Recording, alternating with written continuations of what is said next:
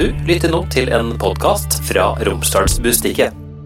RB Sporten presenteres av Coop Mega Molde og Intersport på Roseby, Storsenteret og i Elnesvågen.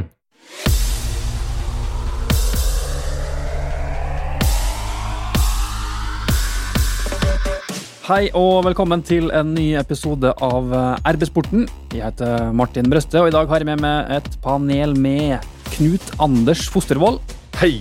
Pernille Huseby. Hei. Kalle Innbjørg. Jo, for her, her kommer Molde, og Molde, her kommer vi. Eh, dette er egentlig en hyllest til eh, Erling Moe sin nysignerte avtale, men jeg begynte å tenke på det etter kampen i går. Det måtte jo være forferdelig å være Bernt Hulsker i går. Det var her kommer Molde fire eller fem ganger i løpet av 25 minutter. Det bare dundra utover høyttaleranlegget. Det var deilig. Ja, deilig. Og vi skal til Ullevål. Nei, nå må ikke du jinxe. Det er, vi er på vei. Det vil Vi er absolutt på vei. Vi kan bare hoppe rett i det. 3-0 mot uh, Strømsgodset. Det var en, uh, i hvert fall en førsteomgang som det lukta ordentlig svidd av, Knut Anders. Nei, vi var lamslått. Vi trodde ikke det vi så. Altså Den effektiviteten, den gjennombrukskrafta og den farta som var i Molde-angrepet i går. Første gang i år at vi virkelig har vært eh, superimponert. Årsbeste. Ja, for meg var det uten tvil. De 25 minuttene der. Ingenting har ligna på dette her tidligere i år. Molde som var god, da, eller var det litt at kanskje Strømsgodset var ganske dårlig òg? Ja, det var kanskje en eh, kombo, da, kan vi si. Vi må jo være såpass rause. Nei, altså, godset ja, Litt sliten etter den Glimt-kampen, kanskje. Brukte litt mye krefter der. Det var ikke jeg Tror jeg kan telle på ei hånd hvor mange ganger de var over midtbanen der. Det var meget eh, tafatt, ja.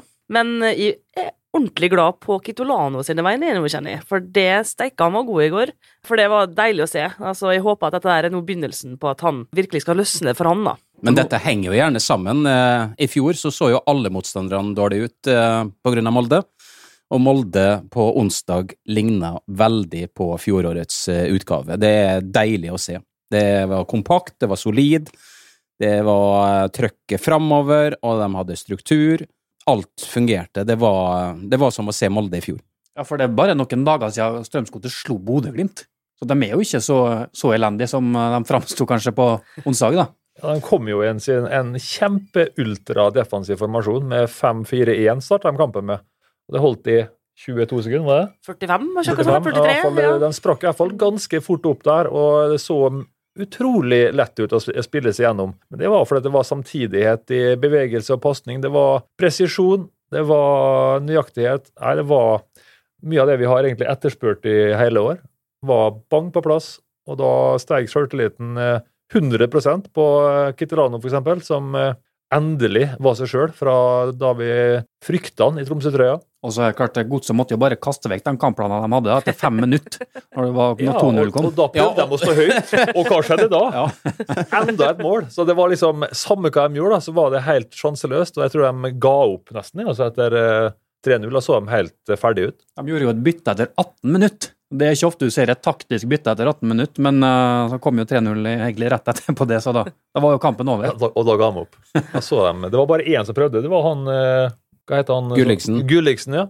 Med det gode navnet ja. Gulliksen. Han har vi vedda på, da, Kalle. Det sa vi på lufta i går. Jeg har venstre, vedda venstreskoa mi og Kalle høyreskoa si på at han kommer til å bli forsøkt henta til Molde.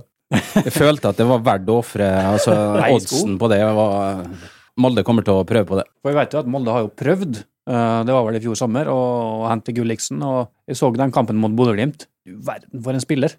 Ja, Han var den eneste i går som så ut som en ordentlig eh, motstander. Altså, det må jeg si. Det var rått. Jeg føler at med et navn som Gulliksen, så passer du bedre inn på Molde enn på Godset, i hvert fall. Men uh, dere nevnte Kitolano. Du ser han har nå fått sjøltillit som han har uh, mangla, og det, det gjør noe med en spiller, det, helt tydeligvis. Ja, for mange var han nok banens beste i går, og det er jeg ikke uenig i. Og jeg tenker at det Nå viser han liksom litt kritikerne, eh, satt de eh, folk litt på plass. Jeg håper at det bare fortsetter. Og så må vi jo selvfølgelig også få i gang vår venn Veton. Så er vi der. Vi har jo drevet og etterlyst det, og det har gått ganske lang tid, Knut Anders. Det er nesten som vi, vi lurte på om Molde måtte leie han ut for å, for å få en back on track. Eh, Du var jo inne på de siste årene, så når vi har drevet og kommentert eh, Molde-Tromsø, så har han vært eh, en av banens beste i, hver eneste kamp, og, og nå på onsdag så fikk vi endelig Molde-trøya se. Han er en fantastisk spennende fotballspiller, altså. Han har noe som veldig få har. da. Han gjør ting som Vi begynte å dra fram Messi i går, da. Vi tok jo fullstendig av. Det? Det var et par sånne, sånne dragninger han hadde der som du nesten aldri ser altså, i, i norsk uh, liga, det må jeg si. Og der uh, dro vi plutselig fram Messi. Det har vi ikke gjort tidligere år, det kan vi iallfall være helt uh, enige om. Knut Anders, hvor var entusiasmen der når Molde tok gull i fjor, egentlig? Når du og Vegard Forhen sto der og så som det var dere har fått verdens dårligste nyhet? Nei, det kan du si. Jeg ser aldri veldig entusiastisk ut. Det er bare på innsida det bobler hos meg. Men jeg kan love deg, Knut Anders, jeg, han er veldig glad, altså. Jeg Det er veldig bra at du er nødt til å si at Ja, folk er glad. Sånn. Ja. Ja, han er glad. Jeg er glad nå. Når Knut Anders sier at han er glad, så er han glad. Helt riktig. Men hvis du skal prøve å moderere litt grann her, da. Messi kan du sammenligne med noen, noe annet. Nei, altså, Jeg sammenligner egentlig med han sjøl. Sånn han så ut, sånn vi, vi frykta når vi skulle spille mot Tromsø, så var det en kar som kunne lures inn i bakrom, han snek seg mellom ledd, i ledd, smarte løp, eh, fikse ting. Han var rett og slett et uromoment hele tida, og er superhappy på hans vegne, og på våre vegne, som har brukt penger på en spiller som vi hadde så troa på, og som vi nesten begynte å lure på om han var eh, en annen versjon. Altså at vi kjøpte en annen bror eller et eller annet. jeg vet ikke. Kjøpt feil. Men, men, men toppidrett handler jo veldig ofte om eh, marginer, og nå er marginene sånn at Molde har så mange skader at han fikk sjansen, og han visste det vel altså oppe i sitt eget hode òg, at nå eh, kommer det ingen eh, Magnus eh, og tar fra meg plassen hvis vi ikke lykkes, så han fikk litt tida til å komme på plass, da. Men dette har jo da gitt eh, Kitolano sjansen. Det er jo ikke lenge siden han ikke var på benken engang. Sist kamp så sa vi jo det at eh, så god har vi ikke sett Kitolano i år. Da var han ikke fantastisk, men da begynte vi å se tendenser til det vi har sett tidligere. Og jeg kjente en liten sånn lite håp på innsida. Kanskje dette var kampen som fikk det til å snu for Kitolano. Jammen fikk vi rett i det, og det er på Kitolanos vegne. Vi er superhappy. Så når Knut Anders dro fram Messi, da er jeg spent på hva du Etter at han skåret to mot Bodø-Glimt eh, i helga, så er jeg spent på hva du drar fram da. Ja, da, jeg, jeg, som jeg sier, jeg er veldig sjelden glad på utsida, men veldig glad på innsida. og Av og til så bobler det over, da. Sier de rare ting. Men eh, jeg må si, akkurat den ene finta han hadde der, da han dro en tunnel baklengs på eh, Godset-spilleren og nesten tok en på baksida, det ser vi ikke ofte i eh, Eliteserien.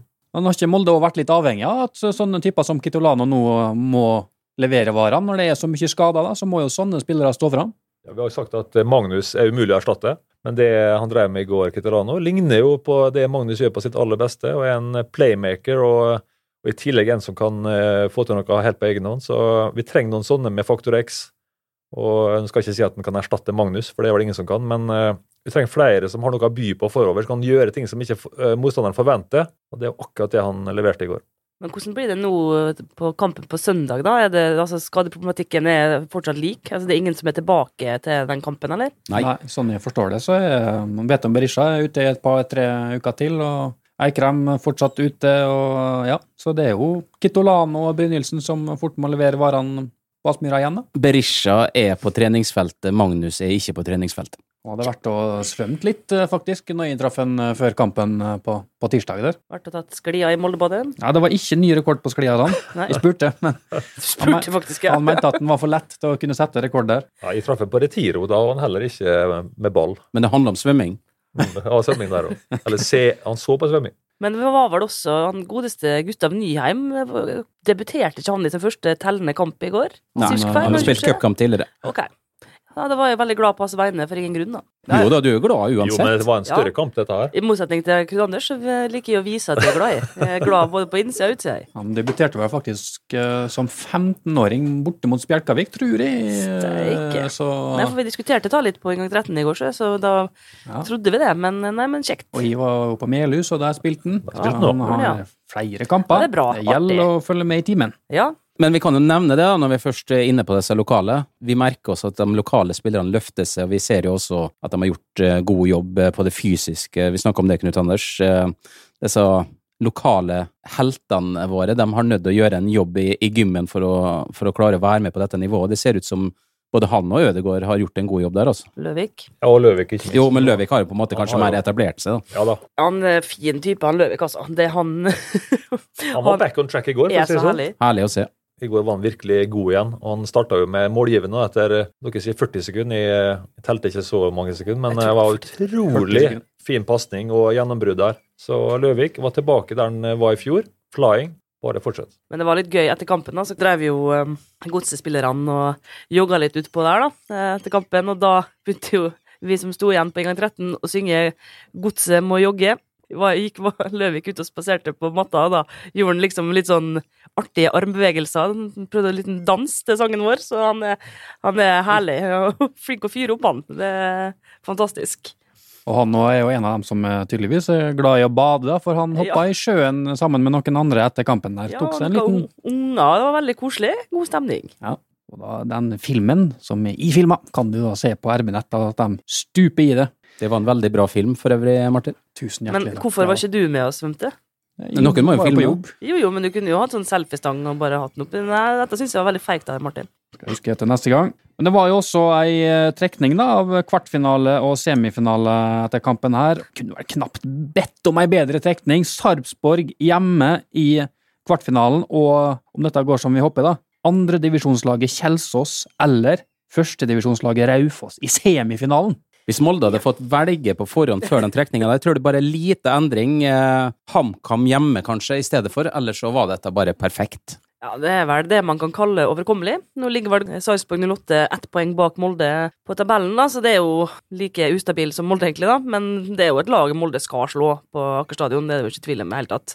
Men jeg, jeg syns alltid det er litt ekkelt å møte sånne, ja, for eksempel Kjelsås eller Raufoss. Jeg syns det er ekkelt, for plutselig så går vi på en smell. Altså, det er litt sånn Men i en Men semifinale først skal det Ah, være ja. Sarpsborg. Ja, først skal vi spille den, men gitt at vi vinner den, da. Men vi kan fortelle her og nå, røpe til Sarpsborg, at vi kommer ikke til å legge om til 4-3-3 før de eh, kommer og skal spille her. Så dessverre, dere får ikke den. Altså. Ja, De fikk det vel litt enkelt, egentlig, på Lerkendal var sist helg. De vant eh, 3-0 der. Ja, det Men nå er vel Rosenborg egentlig eh, ganske på nivå med både Kjelsås og Raufoss, for tida, så Det er gavepakke da, å prøve å legge om alt fra mandag til eh, helg. Og prøve å snu et fotballag av ei skute som går ei retning. Og Det er ikke mulig, og det så vi mot uh, Sarpsborg. Jeg tror ikke det er representativt for uh, verken Rosenborg eller Sarpsborg. Så god er ikke Sarpsborg, og så dårlig er ikke Rosenborg. Jeg tror vi får oss en tøff match mot uh, Sarpsborg, det har vi sett tidligere òg. Men uh, de er meget overkommelige, så det har vi god tro på. Men de eh, har vært veldig gode. De har jo hatt en sportsdirektør eller sportslig leder der som har vært veldig god og, og fått til mye ut av eh, lite i mange år. Og de har henta inn noen spennende spillere eh, igjen med, med X-faktor. De har jo en eh, høyrekant der som vi skal passe oss for. Bare så det er sagt. Så får vi kanskje spole tilbake denne episoden en gang. Ja, vi, tar Jeg håper jeg ikke får rett, men eh, jeg har sagt det nå. vi tar ikke lett på eh, Nei, Sarpsborg. det går nå ikke an å gjøre, selvfølgelig. Men jeg tenker nå at da, det er kort tid det er, 12. juli. Da kan det jo fort hende at noen av dem som er skada, er tilbake igjen, da. Altså, det kan jo hende at eh, både Eikrem og Berisha er tilbake til da, jeg vet ikke. Hvem du skal bytte ut, da? Nei, må nå bare ordne ta. Men det er jo litt sånn hvis Molde vinner den kampen der, kan vi begynne å bestille hotell i Oslo, eller? Ja, med avbestillinger. Du får aldri med til å si det, men, eh, Nei, ikke meg heller. Men, men det er selvfølgelig Da kan jeg si det. Jeg skal gjøre det. God odds. Jeg og du, Martin, skal bestille, så får de andre da komme til fullbooka når de skal begynne å booke. Du kan jo selvfølgelig bestille med avbestilling, da, vet du. Ta betalt på hotellet, så så har du, kan du bestille avbestille til dagen før. Null stress. Raufoss òg, det er jo et par Molde-gutter som uh, spiller. Jakob Nyland Ørsal og Simen Hagbø, så kanskje det har vært litt grann artig da, å ta dem i semien. Ja. Raufoss er en forferdelig trist plass, for øvrig. Jeg har vært der en gang. Det var nesten sånn at du skulle tro det fortsatt var 80-tallet der. Er Litt usikker på om de har internett, faktisk. De har fått det nå. Hei sann! Her er jo Hilde fra Coop Mega Molde. Kom innom og la deg friste av den lengste ferskvaredisken i Romsdal. Velkommen til Coop Mega Molde. Siden sist så har jo Molde også tatt eh, tre poeng i Eliteserien. 1-0 mot uh, Haugesund. Uh, det var ganske kjedelig, eller? Ja, det var ikke bare ganske kjedelig heller, det var dritkjedelig. Heldigvis var det fint vær og god stemning ellers, men det var en, et sørgelig skue. Deilig å vinne. Det Sånne, vi sånne kamper bygger karakter. Ja. Det er kanskje de viktigste kampene du har i løpet av året. De Dritkjedelige, tunge kampene der du må jobbe alt du kan og vinne 1-0. Ikke glem det at det hadde Molde mange av i fjor, og vi har sikkert gjentatt det til det kjedelige, Knut Anders.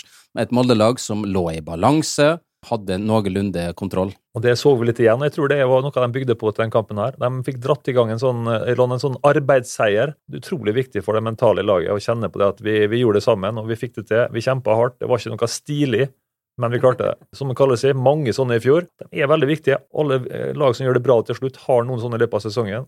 Jeg liker sånne kamper. jeg. Var litt tung å kommentere, for det var jo litt sånn seigt. Men sånn etterpå åh, Utrolig deilig. Og jeg husker jeg spilte sånne kamper. av det beste seirene, altså. Så Arbeidsseirene er nesten like artig det som å vinne 5-0 og bare fly. Disse arbeidsseirene er noe helt eget for laget, for moralen i laget. Og husk denne kjedelige kampen der var med å gi Kitolano det løftet som eh, vi så da i cupkampen. Ja, En katalysator for ulike ting. da. For moral og for enkeltspillere som plutselig finner seg sjøl. Og det gjorde vi jo nå, da, med Kitolano som begynte å se ut som seg sjøl igjen. Og begynte å få trua på seg sjøl. Og så begynner kampen nå så bra for han, og da bare bam, så er han der. Karlstrøm òg, med et par smultringer nå, siste uka. Ja, det er bra. Syns jeg fortjent. Karlstrøm har vært god. Vi var jo litt, hadde podkast om eh, litt av hvert og Champions League og sånn, og da kom vi jo inn på Karlstrøm-frågan, da. Og han, eh, som jeg sa, han har Norges beste pasningsfot. Alle utespillere inkludert. Eh, Men han har ikke vært matchvinner i så mange kamper i år. Han har heller vært litt sånn halvveis i en del situasjoner, så vi har liksom savna den matchvinneren. Nå har han to kamper på rad, vært utrolig god. Både med foten og sist gang mot Haugesund så redda han jo oss. Det er ikke til å lure på engang. Men sånne, sånne keepere må han ha. Linde gjorde det mang en gang. og Skal vi vinne noe, så må vi ha keepere som er inne og, og snur kamper og, og redder kamper når det virkelig trengs. Og har, eh, Han har gjort det, og det er utrolig kult å se. Skal vi si litt om eh, den ene pasninga i cupkampen eh, da Haugen har kommet inn? Eh, Så er det vel Wilsvik som eh, ja, fortsatt er på banen som, som back der. Og da kommer det ei vekta pasning. Jeg tror eh, Wilsvik har eh, fem eller seks meter ut til sidelinja. Som han da slår fra egen 16-meter over hodet på Wilsvik og ned på foten til Haugen. Jeg tror ikke du finner så mange andre utespillere i norsk eliteserie som slår den pasninga. Nei, altså det, det er en eh, helt eminent pasning, og vi kommenterte den eh, underveis. og Vi snakka med Martin etterpå. og så det er Nesten aldri du ser det som Han er så lang òg. Det er som et perfekt golfslag. Og så er ballen sånn at han Wilsvik tror at han kan nå den, men så gjør han det akkurat ikke. Ja, du ser reaksjonen på Wilsvik òg. Sånn, han er nesten litt sånn sjokka over den uh, pasninga der. Han er 70 meter, den pasninga. Hva skal vi si om Molde-laget nå? Er de eh, der de skal være nå? Hvis jeg ikke tar helt feil, så har Molde faktisk eh, vunnet ti av de siste tolv kampene. Riktignok mot Surnadal, Melhus og en del sånn lag da inni der. Vi har noen arbeidsuhell innimellom, men sånn tendensen er jo ikke tvil om at vi er en positiv tendens, og at eh, vi er i ferd med å sette sammen et lag som både funker offensivt og defensivt. Det er jo litt bekymringsverdig med alle som er skada nå, det må jeg si. Det er jo en eh, skår i gleden, men eh, jeg tenker, med tanke på Champions League-kvalik osv. framover, så er det jo nå vi må være i form. Er kjipt at vi mista på en måte seriegullet, da, eller muligheten til seriegull tidlig i sesongen, men det ser veldig lovende ut nå. Og slår vi Bodø-Glimt til helga, som tapte sist helg, så er det plutselig ikke helt umulig å vinne seriegull heller. Ja. Det blir litt spenning, da. Hvis Molde slår Bodø-Glimt, Ja. så er det vel eh, ni poeng. Da blir det litt mer spenning igjen. ja. Nei, men det kommer ikke til å skje som dere. Nei, nei. Det blir stygt. Det har eh, Pernille bestemt at det ikke skjer, så hun Ja. jinxa den, Men, eh, faktisk. Samt, men samtidig så hadde jeg trodd at det var enda mindre sjanse for at det skulle skje hvis Bodø-Glimt hadde tapt på onsdag. For da hadde de altså, to tap på rad. Da hadde de sikkert reist seg igjen mot Molde. Men altså, Du vet jo selvfølgelig aldri, men jeg sliter med å se det, altså. Men uh, Jeg gleder meg veldig til den kampen jeg der. gruer meg eh, veldig. Nei, nå har vi, vi, har, vi har ingenting å, å tape sånn som det er nå. Du sa jo akkurat dette med tabellsituasjonen. Så litt annen inngang enn en tidligere. Et Molde-lag som er i form, og et Bodø-Glimt-lag, med mindre de endrer veldig, det tror ikke de kommer til å gjøre. De har stått ekstremt høyt gjennom hele året. Og de skulle jo vært straffa for det i cupen. De skulle vært sendt på huet og ræva ut av eh, cupen, men takket være dommerteamet, som da berges unna med å bare si sorry etterpå, men da var jo Tromsø allerede sendt ut. De klarer å vinke for en offside, der eh, spilleren starta to meter på egen Ja, halvdel. Men det sier alt, da, om hvor høyt de står. Og hvis de skal stå det mot Brynildsen og Kitolano, det gleder jeg meg voldsomt til. Må ikke glemme Eriksen, da. Men det er som du sier, det var griseflaks at de eh, tok seg videre der. Det er jo årets dommertabbe. Ja, så langt eh, soleklart. Og at ingen av seg dommerne eh, snakker i mikrofonen sin og sier høy, høy, jeg så at den var på andre sida av midtbanen. At ingen tør å si det, og ingen har baller til å gjøre det. Det er jo helt merkelig. Men eh, vi skal ikke slutte å la oss overraske over norske dommere. Det skal vi ikke. Og så kan jeg bare sitere da, Ruben Yttergård Jensen, Tromsø-spilleren, som sa til Nordlys etter kampen Vi husker Rosenborg i sin storhetstid, de hadde dommerne på lag på Lerkendal. Nå føler jeg det er litt sånn på Aspmyra. Glimt får stort sett alle 50-50-situasjoner i sin favør. Sannsynligvis så kommer Molde til å få eh, masse dommesituasjoner imot seg. Det har vært i flere kamper, og sånn kommer det til å bli i helga også. Så jeg frykter egentlig dommerne mer enn eh, Bodø-Glimt. Det var litt artig, for i går var det noen som skrev på Twitter at eh, både Glimt og Molde vant pga. på grunn av dommerhjelp. Så tenkte jeg for meg sjøl at ja, nå, nå var nå ikke godset akkurat Det var ikke, så mye over på Molde sin banehalvdel, da, så jeg lurer på hva slags hjelp du får når du vinner 3-0 og så kanskje det var straffa jeg mente, da, men da var det jo allerede 2-0.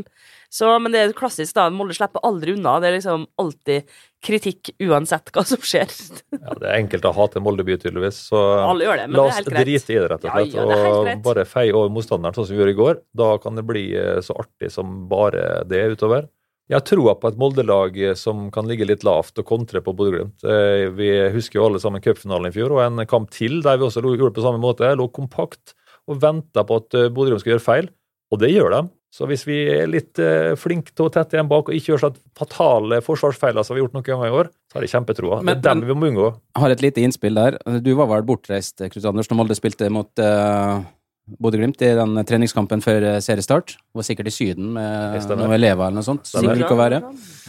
Da var det Åge som eh, var med meg og kommenterte, og underveis i kampen da, så ble vi litt overraska over at Bodø-Glimt begynte å spille på en annen måte. Åge sa det òg.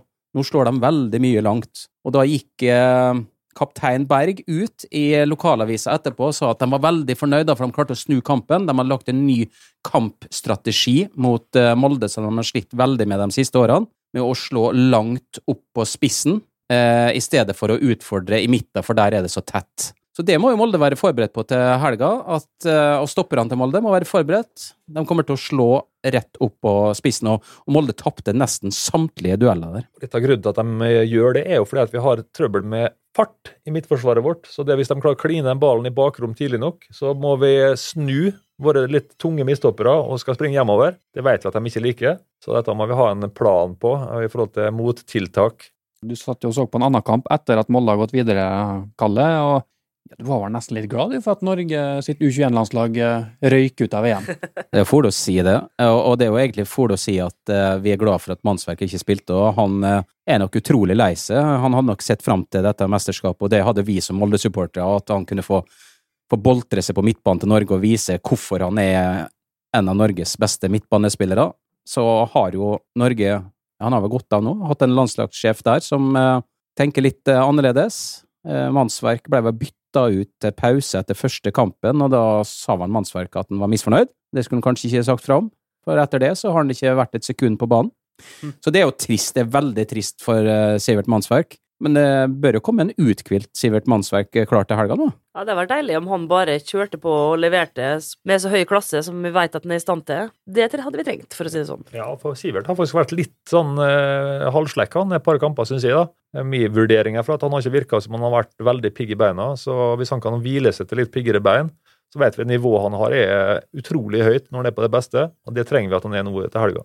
Og han har vært en av de viktige da, mot uh, Bodø-Glimt, når Molde har spilt eh, nesten sånn mann-mann i midtbaneleddet der. Da har han vært veldig god. Og han dominerer egentlig mot uh, så eh, lettbeinte Bodø-gutta, og det har vært deilig å se på. Så fortsett med det. Han satte jo skåring på Ullevål òg. Tror dere han Røkke er klar til å innta benken oppe i Bodø igjen, da? Ja, det tror jeg. Med dobbel boblejakke? Men kanskje ikke nå, da. Det var boblevest og I. Bodø må da Alltid det, for det er så mye vind der. Sidevind uansett hvor du står hen. Anker-vikaren, da, Emil Breivik, som tok over for Mansberg, han hadde en veldig god kamp, han òg, mot uh, Godset. Ja, vi var jo litt sånn halvfornøyd med han mot Haugesund. Syns han sleit litt med posisjonsspillet sitt. Og, men trengte tydeligvis den kampen for å komme i gang igjen i den posisjonen. Og han var veldig god nå, syns jeg. Både i den posisjonen også, så bytta han av og til plass med de andre på midten der, og det funka utrolig godt. Gikk på løp og var involvert i masse ting framover på banen òg. Så Ikke bare balanserte han laget, men han var på farta, og de klarte å få til den dynamikken i midtbaneleddet som er så viktig. da. Med Mannsverk tilbake, da, hvordan vil dere sette opp uh, Molde-laget på Aspmyra? Mest usikker på Eriksen, er faktisk, fordi han har vært så eh, utrolig viktig i så mange kamper. Men i siste har sett så sliten ut. Og når Eriksen ikke er i toppform, så får han tilbake den HamKam-touchen sin. Som han på en måte nesten luka fra seg i begynnelsen av sesongen. Så, han mye skarpere ut i forhold til touch og berøring og timing med ball. Så har han fått litt tilbake nå i siste. Jeg har sett sånn HamKam-Eriksen. Og vi vil ha tilbake han Molde-Eriksen som var på hugget tidligere i år, så jeg håper at han får tilbake litt overskudd. Da er han veldig aktuell for laget, men hvis han skal fortsette å spille sånn som han har gjort siste kampene, jeg faktisk litt mindre usikker på plassen hans, altså. Både han og Grødem har sett litt slitne ut eh, de siste kampene, så kanskje en av dem får eh, hvile. Inn med mannsverk. Eh, Og så får vi eh, flytte Breivik ut på sida igjen. Ja, Mannsverk Breivik er på en måte bankers. Og så er den tredjeplassen på mitt vei jeg er faktisk litt usikker på. Må se, dem som ser den på trening hver dag, som du ofte gjør, Kalle, får vurdere hva som eh, er lurest der. Vi vet jo Eriksen sin potensial er jo enormt, men han har som sagt sett litt sliten ut. Grødem har hatt mye bra, også sett litt sliten ut i perioder, så den er nok, eh, har den nøtta der, tror jeg. Gåsa er vel òg skadefri, men han starter vel neppe. Han er vel ikke klar for å spille mer enn noen minutter, kanskje. Molde har mange sånne spillere nå, og det var jo eh, ledelsen i MFK ute og, og sa etter sesong i fjor, før sesong i år, at det må gjøres noe med. Men vi har dessverre ikke sett noe endring der. Det, er, er Molde mer skada enn andre lag? Jeg har ikke sett noe statistikk på det, men vi har iallfall fått eh, avgjørende og store skader på mange spillere siste Hvis en regner med inkludert i fjor, da, med Ulland og Ellingsen osv., så, videre, så har vi hatt noen stygge, store skader, og Sheriff selvfølgelig, som har vært ute lenge. Så, og så har vi disse slitasje og småruske som også hjemsøker oss. da. Og eh, Om det er noe statistikk på om vi er verre eller bedre enn andre, det vet jeg ikke. Men eh, spiller mye kamper, er med mange, på mange arenaer. Kanskje det totalt sett blir for tøft, da.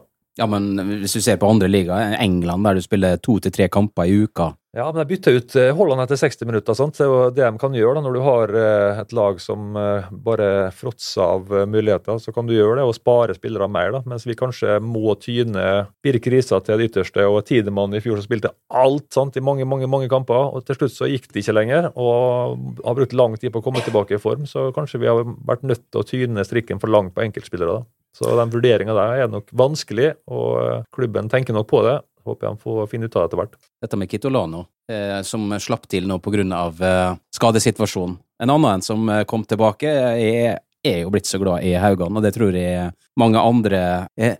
Han er jo så rolig eh, som skjæra på tunet, han. Eller så er det måker som er på taket her. Ja, de er jo ikke rolige. Nei, i hvert fall Han har en egen ro da, som eh, er imponerende, egentlig. Av og til så jeg ser, ser han kanskje roligere på utsida enn han er på innsida, sånn, sånn som vi. Og det, det, jeg tror det gir eh, trygghet da, på dem rundt ham. Og det, det som er med Haugan, er at han har en egen evne til å lese spillet, da, som veldig få andre har. Han er ofte der det skjer, før det nesten skjer. og Derfor så ser det ut som han har kontroll, men det er fordi at han har vært og flytta seg dit han skal, i tide. Og jeg liker veldig godt den eh, spillertypen som Haugan er. og imponert meg. Jeg- forventa ingenting av Haugan å komme tilbake, men fikk veldig mye mer, og jeg håper han finner tilbake. Han hadde et par feilvurderinger tidlig i år der og kanskje mista litt tillit eh, av trenerne. Han gjorde noen støter for tidlig ut og var litt ute av posisjon og sånn, men eh, nå ser han ut til å være tilbake. Han var enormt god i går, syns jeg, og glad for å se det. Han måtte jo eh, sende tekstmelding til Erling for å spørre om han fikk lov å komme tilbake i, i fjor. Ut ifra utgangspunktet, eh, må han levere høyere enn de andre for å få spilletid? Altså, liksom mentalt at han, han var en spiller de henta som, som bonusspiller, som ikke var noe forventninger til, og så plutselig så er han kjempegod, og ikke bare én kamp, men alle kampene han spilte i fjor, var han kjempegod. Men måten han tok ut Gulliksen på i, i, i går, f.eks. Det var ingen som var så irritert på banen i går som Gulliksen. Og hvorfor var det? Jo, for Haugan var oppe inn hele tida og, og røva fram ballen. Gulliksen bytta side, til slutt. Så god var Haugan i går. Han har ikke starta en seriekamp siden 16. mai, fadesen mot Ålesund. Uff, må ikke snakke om det. Husk at Haugan var en av de viktige spillerne for gullet til Molde i fjor. Ja, men det var i fjor, Kalle. Ja, men uh, det er bare å minne om det. Han har hatt noen eh, feilvurderinger som jeg sier, som har vært kritiske, og som har gitt eh, baklengsmål. da. Så Det er kanskje det som har hefta ved ham i år. da, At han har hatt noen litt eh, dumme vurderinger.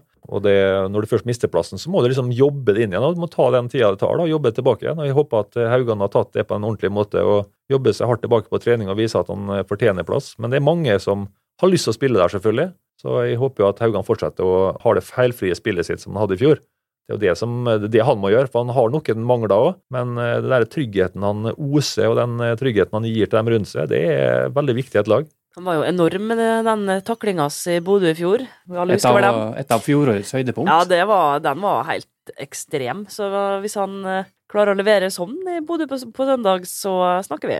Det Ja, for sannsynligvis så har både han og de andre i forsvarsrekka fått en konkurrent mindre, kan vi kanskje si, med Sheriff som dessverre er ute igjen. Uff, ja, trist, altså. Ute med skade, og det ser vel ut som han også er, blir, er ferdig i Molde. Kontrakta går vel da ut på Er det fredag, som er siste dag i juni? Blir det vel? Ser vel ut som at han har spilt sin siste kamp for MFK. Ja, Dessverre. Da må vi vel hente inn noe nytt, da. Ja, overgangsvinduet åpner jo ikke før 1. august, så Nei. det vil jo uansett ta en stund. Det er jo mange kamper før den tid. Hvis en tenker sånn på det, da, så er det jo på en måte Haugan og andre sin mulighet, og Hagelskjær f.eks., sin mulighet til å på en måte gjøre seg aktuelle igjen. da. Så de vil nok eh, bruke den sjansen for alt den er verdt. Og så får vi bare krysse fingrene og håpe at de slår til, da. At vi ikke får flere sånne katastrofale forsvarsfeil som vi har hatt noen av i år. Som eh, koster oss både poeng og cup og litt av hvert. Intersport er verdens største sportskjede. Vi er din lokale sportsbutikk. Jeg heter Toralf. Du finner meg på Intersport Roseby. Jeg heter Rune, og du finner meg på Intersport Molde Storsenter. Jeg heter Joppe, og meg finner du på Intersport ute i Ernasvollen. Vi deler din lidenskap. Vi må også innom at eh, Molde har eh, gjort ei ny signering, hvis vi kan kalle det det. Rett før eh, avspark mot uh, Strømsgodset så kom nyheten om at trener Erling Moe har forlenga sin eh, avtale ut neste sesong. Jo, jeg ga vel min hyllest, en, min vakre hyllest til Erling Moe i starten her. Ja. Så Det var i hvert fall en hyllest. Nå, jeg griner ikke, altså. Jeg er bare litt forkjøla. Men få høre nå. Jo, for her Kollektivet Molde, en undergruppering i Tornekrattet, har laga flere nye sanger, så jeg har dem på hjernen nå. Sitter bare og synger dem. Blant annet en romsdaling, som det heter den ene. Få høre. Nei, det må jeg bare si. altså. Jeg synes at eh, Til tross for at det var sjokkerende dårlig oppmøte på stadionet i går, litt over 2000 eh, solgte billetter der altså, så syns jeg Krattet leverer bra, altså. Liksom litt ny giv der òg. Eh, og det syns jeg, med tanke på at det har gått, ikke gått eh, etter forventningene i år, da, så syns jeg Tornekrattet har til tider har levert mye bedre enn det MFK har gjort. Jeg har virkelig troa på det. Det, det gror godt, eh, supporterkulturen i Molde nå, altså. Det syns jeg er bra. Syns også jeg har registrert en eh, slags sånn barne-ungdomsavdeling der. Ja, Framtida, som det heter. Det er et eget felt. Der, eh, nå husker jeg ikke akkurat aldersspennet der, da, men jeg tror det er opptil 14 år. Du er ikke med der. Nei, jeg er 34. Du er ikke framtida. Jeg er ikke framtida, nei. Jeg er vel nåtida.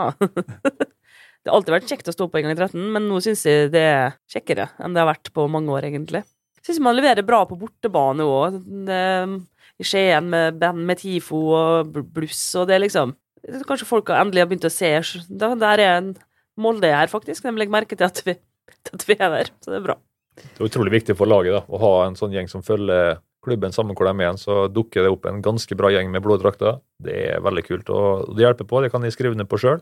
Noen som roper sangen din eh, når det er langt gokk eh, en plass. Det er kjempegreier. Og hjelper på på moral og motivasjon. Og så har Molde-supportere vært veldig flinke til å heie på Molde, og det skal Molde fortsette med. Vi skal heie på vårt lag. Så må vi sende en liten blomst til dem som kom fra tok kjøreturen fra Drammen. Det var jo tungt at eh, etter fem minutter, liksom, kampen så vidt begynte, så var kampen ferdig, egentlig. Ja. Nei, jeg kjente at jeg var glad jeg ikke sto på den sida, ja. Hvordan skal Molde greie oss å vinne på Aspmyra? Så vi, vi må jo fortsette å være hurtig når vi først angriper mot Borgerud. Vi får ikke mange sjanser mot Borgerud, så vi må ta dem vi får. Da må vi faktisk være litt presise og kliniske foran mål. Og den siste pasninga må være nøyaktig, sånn som den var nå de første 25 minutter. Vi må faktisk være på det nivået der, da. Og vi kommer til å bli pressa bakover i store perioder, så vi må være tett og kompakt og i balanse, og ikke sende av gårde altfor mye folk når vi går angrep. Vi må sende nok folk med nok presisjon og nok trøkk. Og så må vi bare ta sjansen. Brynildsen må ha godfoten, styre ballen i mål istedenfor utafor Eller på keeper. eller på keeper, osv. Her må det være nøyaktighet. Da har vi muligheten. Hvis vi sløser sånn som vi har gjort i noen kamper, da har vi ikke sjans. Og Hvis vi er unøyaktige sånn som vi har vært i noen eh, kamper bakover og på midten, ikke sjans. Så her må det være back to 100% Da, da tar vi Bodø, tror jeg faktisk. Du har troa. Ja, gitt at de eh, luker bort både offensive og defensive småting som har vært i år, så er vi like gode som Bodø, og vel så det. Det har vi jo vist i hele fjor. Det var jo mye bedre enn Bodø over lang, lang tid. Og du ser Bodø er sårbare, dem òg. De holdt på å ryke ut mot Tromsø, og røyk sist gang. Det er ikke umulig å slå dem. Pernille har ikke troa. Jeg klarer ikke å ha det. Jeg blir bli så lei meg. Så det er bedre å bare være forhåndsinnstilt på at dette her Det blir 6-0. Lei deg allerede, du. Ja. Nei, jeg gruer meg veldig. Det er en veldig spennende kamp. Det har veldig mye å si.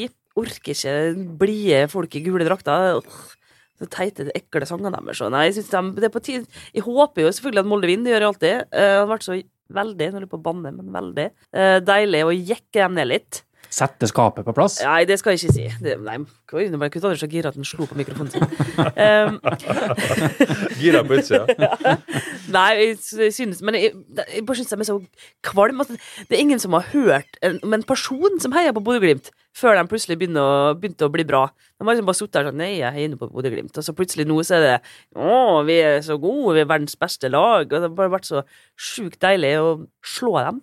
De er nå sjukt gode.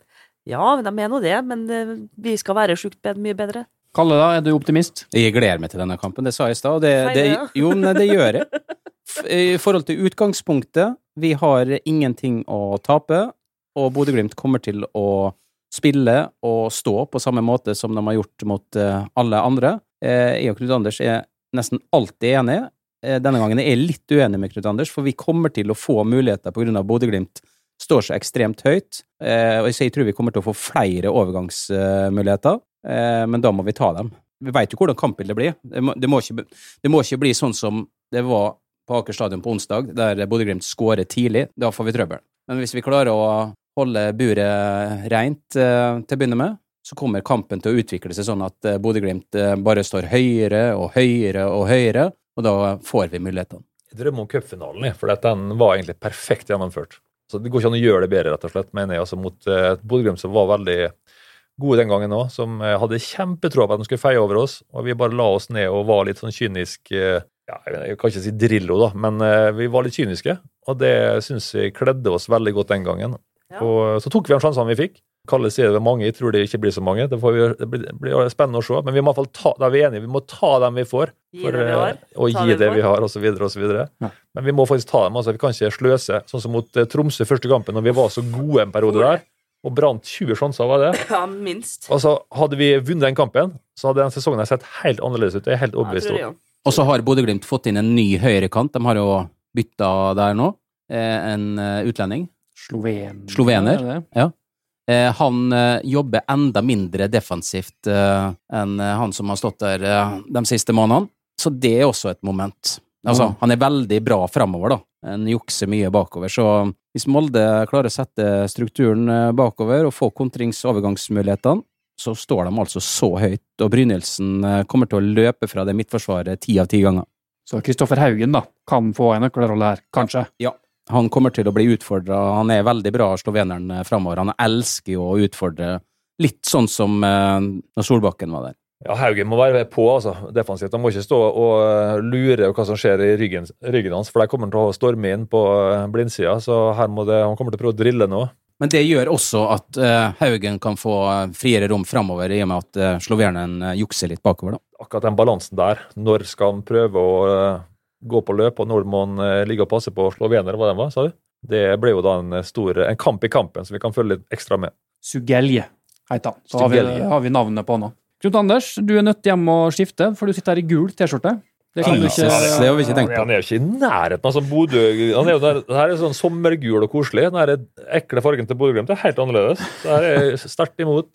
Ja, helt enig. Pernille i svart, og Kalle er i Blå, mørkeblå. Ja, ja, ja. Ja, veldig mørkeblå. Det er Mer vikingblå. Det her kalles. Ikke sitte her på en høy hest og late som om det vinner der. Vi skal finne fram eh, blått og hvitt fram til helga, Knut Andrøs. Men Martin, Ja. vi må snakke om noe.